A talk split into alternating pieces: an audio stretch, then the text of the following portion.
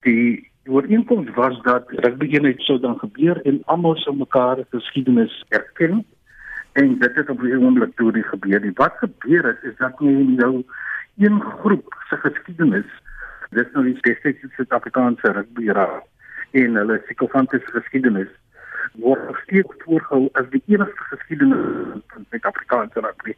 Terwyl ons weet dit was nie so nie, daar was jy die ander kant die deestydse SARU wat ook rugby gespeel het. En ons maak nou hier asof die daai mense op die SARU nie 'n geskiedenis van hulle self het. Inteendeel het hulle 'n trotse geskiedenis maar daai is nooit vertel nie niemand weet van hulle nie omdat ons net in die een kant woon rugby een geword en geen een van daai geskiedenis opgeneem het sit nou in 'n situasie hier wat seë kollisie en is daar groot dankbaarheid vir my dat hy aangewys is as kaptein nommer 61 maar Hoe kan ons sê Kasia polisie se Springbok op sy nommer 61 na een word? Met ander woorde, daar word 'n sekere geskiedenis van 'n bepaalde groep word erken, maar geskiedenis van 'n ander groep word erken nie. En ek dink uh, dit is nie regverdig nie as ons sê dat ons mekaar wil erken in hierdie land as mede-reisigers op hierdie pad. Dan moet dit 'n inklusiewe geskiedenis wees. En nou want die geval is dis 'n eksklusiewe geskiedenis van net wat rugby. Wat stel jy voor wat moet die nuwe embleem wees? Die embleem is die Protea embleem. Die cricketspan het interessant genoeg weggedoen met die Springbok. Hulle het eenvoudig aan en hulle het besluit die Protea en die wêreld het nie in mekaar gestort nie. En Protea het begin om te Uh, hulle geskiedenis het hulle van 94 wil hulle dit begin herskryf en hulle het erkenning gegee aan aan mense wat nie in die geval van rugby is nie. Ek weet regtig nie hoe kom 'n mens nie nie kan wegstap van hierdie springbok embleem nie. So wie is verantwoordelik om hierdie inklusiwiteit te bewerkstellig? Ek dink daar is 'n groot verantwoordelikheid op die Suid-Afrikaanse rugby nie. Hulle skram weg van hierdie feite.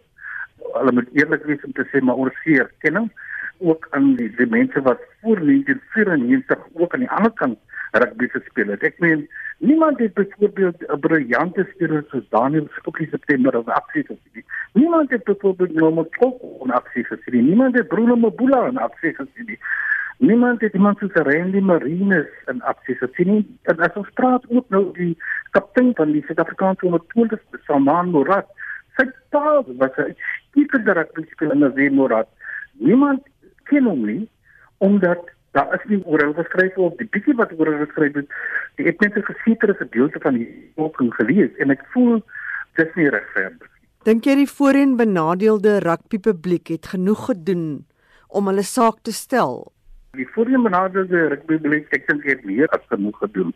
Mense as hulle voorheen van benadeelde praat en dan verwys op die, die ander kant verwys nou maar ons het 'n error op daai is op lewer ons 'n error op op dit was nie deel net soos Nick Gallet en Nas Botha en David de Villiers en Fitte Priele hoe kon hulle die beste wees in Suid-Afrika?